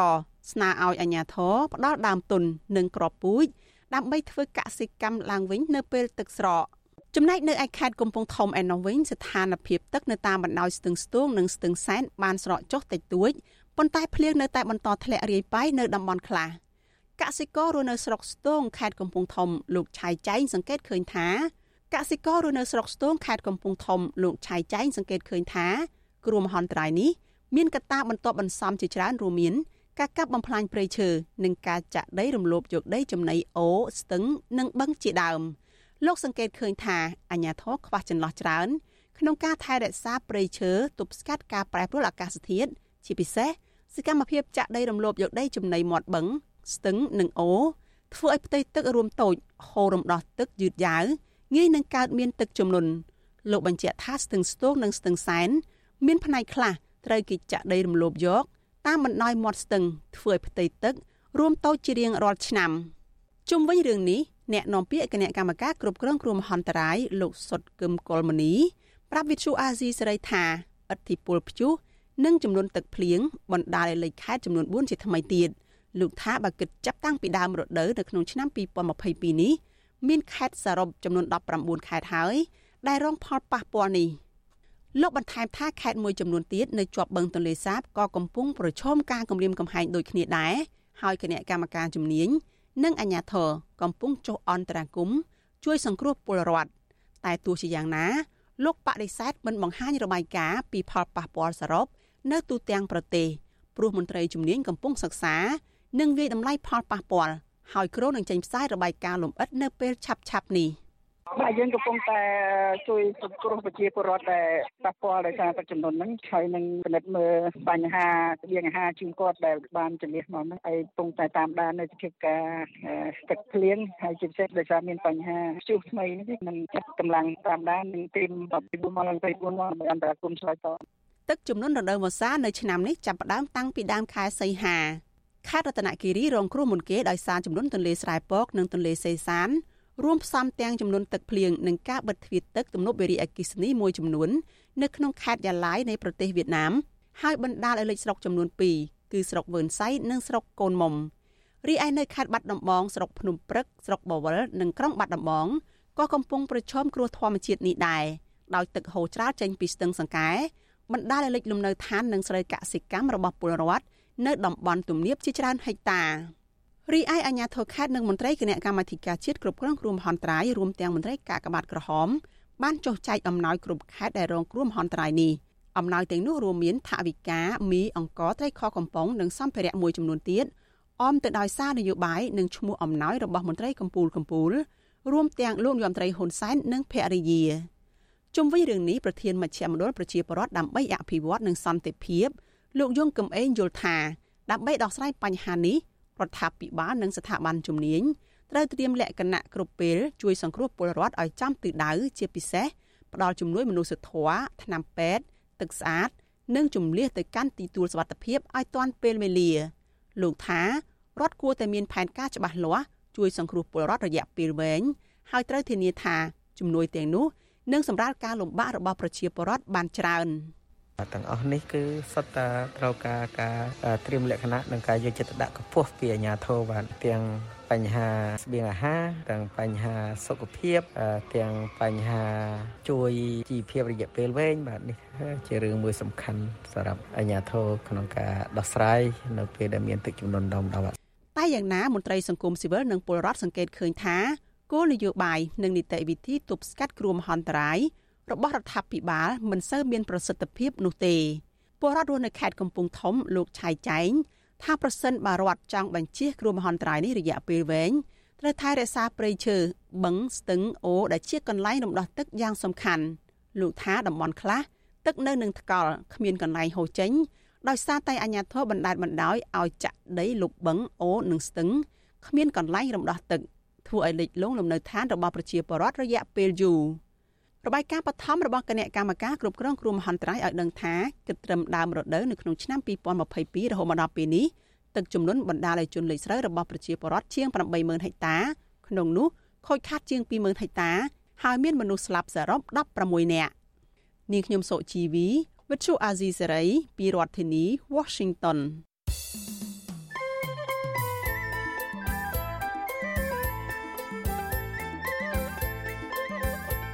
នេតិសុខភាព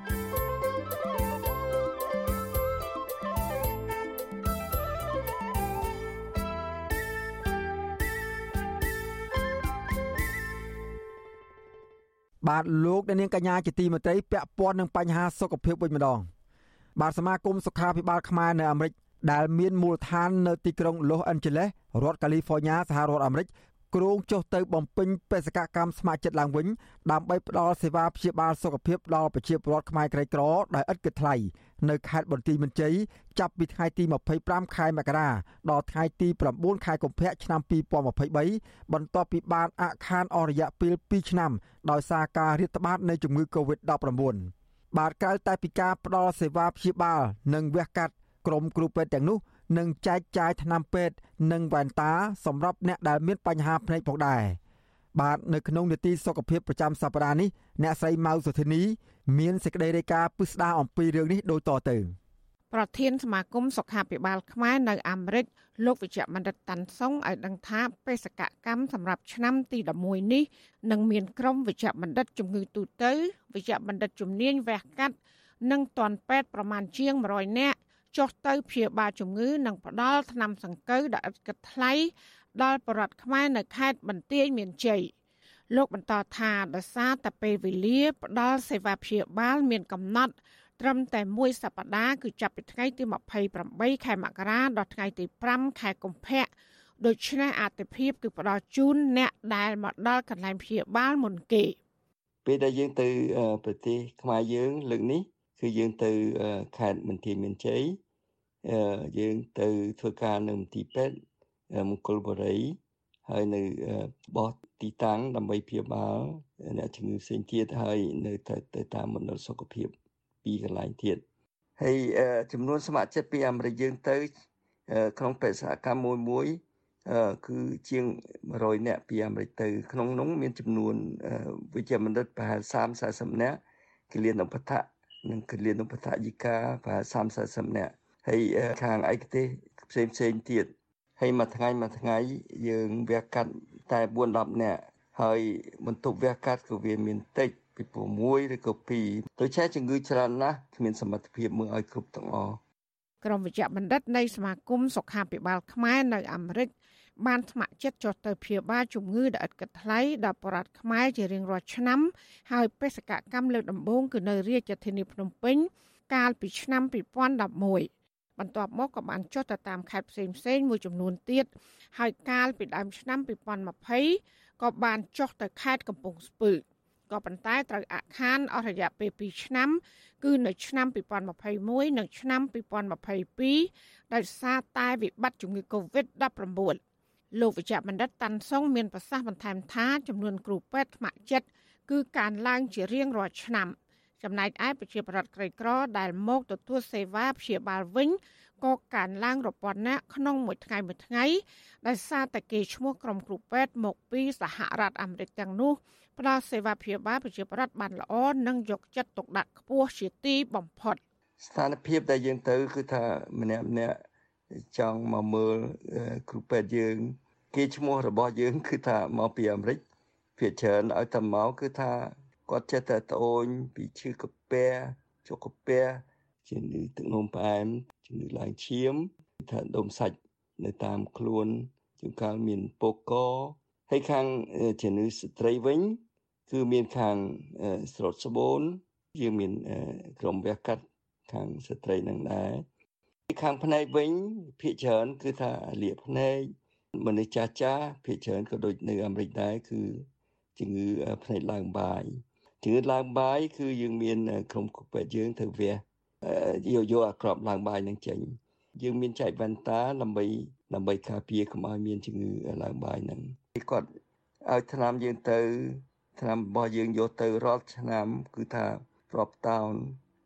គ្រូពេទ្យជំនាញផ្នែកសុខភាពទូទៅប្រចាំគ្រួសារលោកវិជ្ជបណ្ឌិត Neil Sullivan ជនជាតិអាមេរិកាំងដែលបានស្ម័គ្រចិត្តទៅប្រទេសកម្ពុជាអស់រយៈពេល10ឆ្នាំកន្លងមកនេះមានប្រសាសន៍ប្រាប់បច្ចុប្បន្នស៊ីស្រីពីរដ្ឋកាលីហ្វ័រញ៉ាថាលោកសប្បាយចិត្តជាខ្លាំងដែលមានឱកាសផ្ដល់សេវាព្យាបាលជំងឺដល់ប្រជារដ្ឋខ្មែរក្រីក្រដែលឥតគិតថ្លៃលោកបន្តថាប្រជារដ្ឋខ្មែរដែលរស់នៅតាមតំបន់ជនបទមិនសូវមានថ្នាំសង្កូវនិងគ្មានលទ្ធភាព ដើម្បីពិនិត្យសុខភាពបានទៀងទាត់នោះឡើយ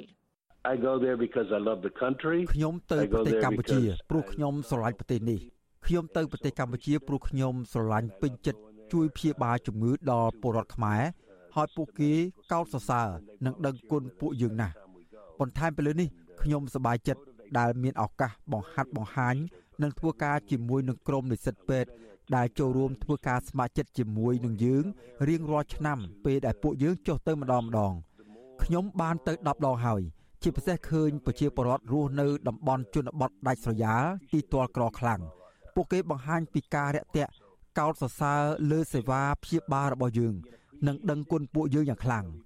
ទង្វើរបស់ប្រជាពលរដ្ឋទាំងនេះហើយដែលធ្វើឲ្យពួកយើងសប្បាយចិត្តជាទីបំផុតអ្វីដែលសំខាន់នោះ គឺពួកយើងបានចុះទៅតាមខេត្តផ្សេងផ្សេងជារៀងរាល់ឆ្នាំចាលោកវិជ្ជបណ្ឌិតតាន់សុងដែលជាវិជ្ជបណ្ឌិតជំនាញខាងជំងឺកុមារឲ្យដឹងដែរថាក្រុមគ្រូពេទ្យថ្នាក់ចិត្តទាំងនោះនៅពេលដែលចុះទៅបំពេញបេសកកម្មនៅប្រទេសកម្ពុជាម្ដងម្ដង គឺពួកគេចំណាយប្រាក់ផ្ទាល់ខ្លួនរួមមាន ការចំណាយលើថ្លៃសម្ពុតយន្តហោះសន្តាគារនិងការហូបចុកនៅប្រទេសកម្ពុជាជាដើមចំណែកឯសមាគមវិញ ក៏ក្រុងនឹងរៀបចំពិធីជប់លៀងរៃអង្គាសប្រាក់នៅថ្ងៃទី18ខែវិច្ឆិកាខាងមុខហើយដែលសមាគមលោករំពឹងថានឹងទទួលបានប្រាក់ឧបត្ថម្ភចំនួនរាប់ម៉ឺនដុល្លារពីអ្នកមកចូលរួម ដើម្បីយកប្រាក់សម្រាប់ទិញឧបករណ៍ពេទ្យហើយនឹងថ្នាំពេទ្យព្យាបាលគ្រប់មុខដែលមានចំនួនរាប់តោននៅពេលដែលចុះទៅបំពេញបេសកកម្មទៅប្រទេសកម្ពុជាម្ដងម្ដងសមាគមសុខាភិបាលខ្មែរនៅអាមេរិក គឺជាអង្គការក្រៅរដ្ឋាភិបាលមួយដែលបង្កើតឡើងកាលពីឆ្នាំ1997ដោយផ្ដួចផ្ដើមចេញពីក្រមវិជ្ជបណ្ឌិតទាន់ពេទ្យអសតការីក្រុមអ្នកស្ម័គ្រចិត្តសប្បុរសជននិងម្ចាស់អាជីវកម្មនានានៅក្នុងរដ្ឋកាលីហ្វ័រញ៉ាគោលបំណងសំខាន់ជាដំបូងរបស់សមាគមនេះគឺផ្ដល់សេវាសុខភាពដែលឥតគិតថ្លៃដល់ប្រជាពលរដ្ឋខ្មែរដែលគ្មានការធានារ៉ាប់រងសុខភាពនៅសហរដ្ឋអាមេរិក ក៏ប៉ុន្តែក្រោយមកដោយមើលឃើញពីសេចក្តីត្រូវការចាំបាច់របស់ប្រជាពលរដ្ឋខ្មែរដែលរស់នៅតំបន់ដាច់ស្រយាលក្នុងប្រទេសកម្ពុជានោះក្រុមគូពេទ្យស្ម័គ្រចិត្តរបស់សមាគមទាំងខ្មែរទាំងបរទេសបានចុះទៅបំពេញបេសកកម្មផ្ដល់សេវាព្យាបាលជំងឺ ដល់ប្រជាពលរដ្ឋក្រីក្រនៅតាមតំបន់ដាច់ស្រយាលចាប់ពីឆ្នាំ2011មកចាននាងខ្ញុំម៉ៅសុធានីវិទ្យុអាស៊ីស្រីប្រធានាធិបតី Washington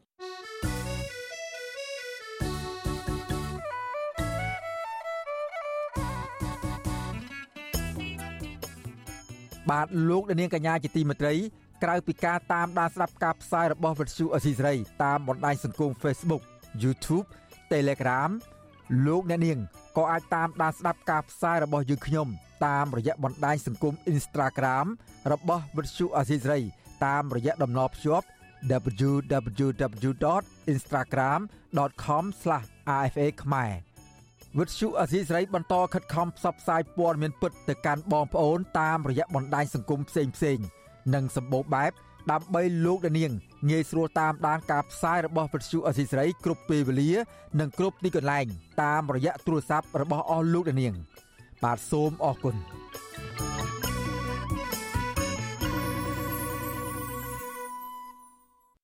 បាទលោកអ្នកនាងកញ្ញាជាទីមេត្រីសកម្មជនគណៈបកប្រឆាំងដែលកំពុងភៀសខ្លួននៅក្នុងប្រទេសថៃពួកគាត់សុកចិត្តរស់នៅទាំងការលំបាកនិងមិនបោះបង់ឆន្ទៈនៅក្នុងការធ្វើនយោបាយដើម្បីទាមទារឲ្យមានលទ្ធិប្រជាធិបតេយ្យនៅកម្ពុជានោះឡើយអតីតសកម្មជនគណៈបកសង្គ្រោះជាតិ2នាក់អះអាងថាកុំថាឡើយពួកគាត់មានបញ្ហាផ្នែកជីវភាពបើទោះបីជាពួកគាត់ប្រឈមនឹងការបាត់បង់ជីវិតក៏ពួកគាត់នៅតែបន្តធ្វើនយោបាយដដែល។ បាទពីរដ្ឋធានី Washington អ្នកស្រីសុជីវីមានសេចក្តីរាយការណ៍មួយទៀតជុំវិញព័ត៌មាននេះសកម្មជនគណបកសង្គ្រោះជាតិដែលកំពុងភៀសខ្លួននៅថៃបដិញ្ញាតស៊ូធ្វើនយោបាយដើម្បីឲ្យកម្ពុជាមានលទ្ធិប្រជាធិបតេយ្យពិតប្រាកដពួកគេបានរត់គេចខ្លួនពីការតាមធ្វើទុកបុកម្នេញពីសំណាក់អាជ្ញាធររបបលោកហ៊ុនសែនដោយចោទប្រកាន់ពួកគេ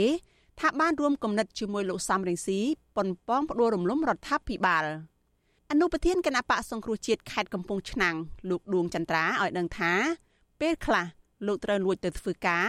ដើម្បីបានកម្រៃខ្លះមកចិញ្ចឹមប្រពន្ធនិងកូន4នាក់ព្រោះលោកកំពុងរស់នៅក្នុងឋានៈជាជនភៀសខ្លួនមិនអាចរកការងារណាធ្វើបានពេញលេញដោយពលករខ្មែរដទៃទៀតនោះទេលោកបន្តថាលោកជាជនភៀសខ្លួនរស់នៅដោយការផ្ដល់អាហារបន្តិចបន្តួចពីអង្គការសហប្រជាជាតិមិនអាចផ្គត់ផ្គង់ជីវិតប្រចាំថ្ងៃបានទេ លោកបញ្ជាក់ទៀតថាបើទោះបីជាលោកស្ថិតនៅក្នុងស្ថានភាពបែបណាក៏ដោយក៏លោកនៅតែមិនដកខ្លួនចេញពីឆាកនយោបាយដែរព្រោះលោកធ្វើសកម្មភាពនេះដើម្បីទុកគំរូល្អដល់អ្នកចំនួនក្រោយក្នុងការចូលរួមតស៊ូដើម្បីឲ្យកម្ពុជាមានប្រជាធិបតេយ្យពេញលេញ។ ហើយកន្លងទៅដែលខ្ញុំបានចូលទៅធ្វើកិច្ចការខ្លះខ្លះគឺភាពតល់ច្រកបំផុតដោយសារខ្ញុំអត់មានថវិកាអ្វីទាំងអស់សម្រាប់ចាយវាសម្រាប់បងថៃបន្ទប់សម្រាប់កូនចាយហ្នឹងគឺខ្ញុំសុកចិត្តសុំលុនតួសុំគេទៅធ្វើការងារដើម្បីលួចធ្វើការងារដើម្បីយកមកចិញ្ចឹមបានមួយថ្ងៃពីរថ្ងៃឯងកាលពីថ្ងៃទី15ខែកញ្ញាលោកដួងចន្ទ្រានិងសកម្មជនគណៈបកសង្គ្រោះជាតិ4នាក់ទៀតត្រូវជន់អាណាមិកគម្រាមសម្លាប់ ដោយផ្ញើសារចូលទៅក្នុងគណនី Facebook របស់ពួកគេលោកដួងចន្ទ្រារៀបរាប់ថាមូលហេតុដែលមានជនអនាមិកគំរាមសម្លាប់លោកនិងសកម្មជនដទៃទៀតដោយសារតែពួកគេទាំង5នាក់បានបង្ហោះសារក្នុងបណ្ដាញសង្គមឲ្យយុវជន និងពលរដ្ឋងាកមកឈឺឆ្អាលរឿងបញ្ហាប្រទេសជាតិលោកយល់ថាកម្ពុជាកំពុងដើរទៅរករបបផ្ដាច់ការព្រោះលោកហ៊ុនសែនបានកែប្រែរដ្ឋធម្មនុញ្ញត្រួសត្រាយផ្លូវដើម្បីងាយស្រួលផ្ទេរតំណែងទៅឲ្យកូនប្រុសច្បង។ លោកថាលោកក៏មិនគាំទ្រឲ្យរដ្ឋាភិបាលបង្កើតដេប៉ាតឺម៉ង់ភាសាវៀតណាមនៅក្នុងសាកលវិទ្យាល័យរបស់ជាតិនោះទេព្រោះលោកថារឿងនេះធ្លាប់មានការខ្វែងគំនិតគ្នាម្ដងរួចមកហើយនៅក្នុងសម័យសង្គមរាស្ត្រនិយមដោយក្រសួងអប់រំនៅក្នុងសម័យនោះបានប្រកែកមិនឲ្យមានកម្មវិធីសិក្សាភាសាវៀតណាមនៅក្នុងសាលារដ្ឋ ខ្ញុំនៅតែចិញ្ចឹមចិត្តព្យាយាមតស៊ូដើម្បីធ្វើយ៉ាងណាផ្លាស់ប្ដូររបបនៃការដឹកនាំរបស់លោកហ៊ុនសែននេះឲ្យបានហើយទាមទារឲ្យកម្ពុជាអនុវត្តតាមកិច្ចព្រមព្រៀងទីក្រុងប៉ារីស23ដុល្លារ91ដោយអនុវត្តតាមលទ្ធិប្រជាធិបតេយ្យសេរីពូប៉មានការបោះឆ្នោតដោយត្រឹមត្រូវសេរីយុត្តិធម៌ពិតប្រាកដនៅកម្ពុជានៅពេលខាងមុខស្រដៀងគ្នានេះដែរសកម្មជនគណៈបកសង្គ្រោះជាតិម្នាក់ទៀតដែលភៀសខ្លួននៅប្រទេសថៃមកពីខេត្តត្បូងឃ្មុំលោកតាំងសុផុនប្រាប់ថា លោកមិនបានបោះបង់ឆន្ទៈក្នុងការធ្វើនយោបាយនោះទេព្រោះលោកចង់ឃើញការផ្លាស់ប្តូររបបដឹកនាំប្រកបដោយតម្លាភាពហើយប្រជាពលរដ្ឋគ្រប់លំដាប់ថ្នាក់រស់នៅដោយសន្តិភាពពិតប្រាកដលោកបន្តថាការរស់នៅរបស់លោកមានការលំបាកដោយសារជីវភាពខ្វះខាតហូបចុកមិនគ្រប់គ្រាន់និងគ្មានសុវត្ថិភាពនោះទេតែលោកនៅតែមានចិត្តចង់ចូលប្រឡូកឆាកនយោបាយដដែលដើម្បីប្រទេសមានប្រជាធិបតេយ្យពលរដ្ឋមានសេចក្តីសុខ និងការរីកចម្រើនដល់ប្រទេសជាតិដោយថារិស័យគាត់អស់ជីអូនគាត់ដាក់ទៅកែឡូគាត់វាអស់ពីអំណាចទៅអាហ្នឹងយើងនៅតែប្រឹងបន្តអញ្ចឹងបើទោះបីថាយើងធ្វើបានប៉ុណ្ណាយើងធ្វើប៉ុណ្ណឹងសមត្ថភាពយើងជួយជាតិបានប៉ុណ្ណាជួយប៉ុណ្ណឹងថាឲ្យ បោះបង់អត់បោះបង់ទេត្រូវតែព្យាយាមទៅមុខទៀតត្រូវតែខំត្រូវតែជួយដោយថាជ្រុំជ្រែងដឹកនាំក្មេងៗក្រោយនឹងឲ្យជួយចូលរួមដើម្បីណែកសាងប្រជាធិបតេយ្យឡើងវិញបន្តទៅអនាគតសម្រាប់កូនចៅជំនាន់ក្រោយឆ្លើយតបនឹងការលើកឡើងរបស់សកម្មជនគណៈបកសង្គ្រោះជាតិនេះអ្នកនាំពាក្យគណៈបកប្រជាជនកម្ពុជាលោកសុកអេសាននិយាយបែបឌឺដងថាលោកគាំទ្រនឹងការតស៊ូលំបាករបស់ក្រុមគណៈបកសង្គ្រោះជាតិដែលភៀសខ្លួននៅប្រទេសថៃ ហើយមិនព្រមបោះបង់ឆន្ទៈធ្វើនយោបាយប៉ុន្តែលោកបន្ថែមថាលោកគោរពទៅតាមការសម្រេចចិត្តរបស់សកម្មជនគណៈបកប្រឆាំងដែលនៅស្ម័គ្រស្មោះជាមួយគណៈបកសង្គ្រោះជាតិប៉ុន្តែការដែលសកម្មជនទាំងនោះចោទថាកម្ពុជាមិនទាន់មានសន្តិភាពនិងកំពុងស្ថិតនៅក្នុងរបបផ្ដាច់ការនោះលោកថា ជារឿងមិនពិតឡើយព្រោះលោកសុកអេសានអះអាងថាប្រជាពលរដ្ឋកំពុងរស់នៅដោយសេចក្តីសុខសប្បាយជាមួយរដ្ឋាភិបាល។ ការដែលគាត់ទទួលរងការលំបាកនៅបរទេសប្រទេសជិតខាងហ្នឹងដោយសារគាត់ចូលដៃជាមួយក្រុមអូទៀមក្រៅច្បាប់ដែលកំពុងមេកំខ្លួនកំពុងរត់គេចខ្លួននៅប្រទេសបារាំងហ្នឹងឯងបាទមិនមែនដោយសាររាជរដ្ឋាភិបាលធ្វើការគៀបសង្កត់គាត់ទេហើយចុះគេនៅរាប់17 16លានអ្នកដែលរស់នៅក្នុងកម្ពុជាមានអាណាទៅគៀបសង្កត់ដោយសារគេអត់មានចូលដៃជាមួយក្រុមអូទៀមក្រៅច្បាប់ហ្នឹងអញ្ចឹងទេគាត់ត្រូវទទួលស្គាល់ការពិតថាមកពីគាត់ចូលដៃចូលជើងជាមួយក្រុមទាមក្រៅច្បាប់ជុំវិញរឿងនេះដែរអ្នកវិភាគនយោបាយលោកកឹមសុខលើកឡើងថាលោកស្ងើចសរសើរការលះបង់របស់សកម្មជនគណបកសង្គ្រោះជាតិដែលទោះជារងទុកលំបាកយ៉ាងណាក្តីក៏នៅតែប្រកាន់ជំហររបស់ខ្លួនដោយមិនក្បត់ឆន្ទៈរបស់ប្រជាពលរដ្ឋលោកបញ្ជាក់ថាការដឹកនាំរបស់រដ្ឋាភិបាលលោកហ៊ុនសែនមិនមានប្រជាធិបតេយ្យពេញលេញទេព្រោះអាញាធរដ្ឋាភិបាលឯកបកនៅតែធ្វើទុកបុកម្នេញលើសកម្មជននយោបាយនិងអ្នកមានមតិផ្ទុយពីរដ្ឋាភិបាល រហូតមានអ្នកខ្លះទ្រាំមិនបានភៀសខ្លួនទៅរស់នៅក្រៅប្រទេសរដ្ឋាភិបាលផ្ដាច់ការរបស់លោកហ៊ុនសែនមិនមែនត្រឹមតែបំបិតសិទ្ធទេ គឺបំពេញសិទ្ធរបស់ពួកគាត់ដែលជាអ្នកតស៊ូដើម្បីលទ្ធិប្រជាធិបតេយ្យទៅទៀតបំពេញសិទ្ធនឹងមានន័យថា គ្រាន់តែសិទ្ធិមូលដ្ឋានរបស់ពួកគាត់ក្នុងការបញ្ចេញមតិហើយធ្វើសកម្មភាពនៅសមរភូមិនយោបាយកម្ពុជាក៏ត្រូវគេធ្វើទុកបុកម្នេញរារាំងគ្រប់កាលៈទេសៈទាំងអស់លហើយទៅពួកគាត់ចាក់ចេញពីប្រទេសកិច្ចខ្លួនឲ្យរស់ជីវិតរស់ជីវិតទាំងវេទនាបច្ចុប្បន្នមានសកម្មជនគណបកនយោបាយនិងសកម្មជនតស៊ូមតិប្រមាណ60នាក់កំពុងភៀសខ្លួននៅប្រទេសថៃហើយភ ieck ច្រើន ពួកគេជួបការលំបាកផ្នែកសេដ្ឋកិច្ច និងព្រួយបារម្ភពីសវត្ថិភាពផ្ទាល់ខ្លួន ពួកគេអះអាងថារដ្ឋាភិបាលលោកហ៊ុនសែននៅតែតាមយាយីពួកគេមកដល់ប្រទេសថៃព្រោះកន្លងមកពួកគេតែងឃើញមនុស្សប្លែកមុខតាមខ្លមមើលសកម្មភាពរបស់ពួកគេជាប្រចាំនៅក្នុងប្រទេសថៃសកម្មជនទាំងនោះមួយចំនួនបានភៀសខ្លួនទាំងគ្រួសារនិងមួយចំនួនទៀតទៅនៅតែម្នាក់ឯងរស់បែកពីប្រពន្ធកូននៅកម្ពុជាដោយសារតែអាជ្ញាធររដ្ឋាភិបាលក្រុងភ្នំពេញតាមធ្វើទុកបុកម្នេញ មិនឲ្យពួកគេអាចរស់នៅក្នុងស្រុកបានសកម្មជនទាំងនោះអះអាងទៀតថាពួកគេនៅតែធ្វើសកម្មភាពនយោបាយដឹកនាំក្រុមពលករខ្មែរនៅក្នុងប្រទេសថៃហ៊ានបញ្ចេញមតិកែលម្អរដ្ឋាភិបាលដើម្បីឲ្យកម្ពុជាមានលទ្ធិប្រជាធិបតេយ្យនិងការអភិវឌ្ឍជាតិប្រកបដោយចីរភាពនាងខ្ញុំសុជីវី With you Azizi Serai ពីរដ្ឋធានី Washington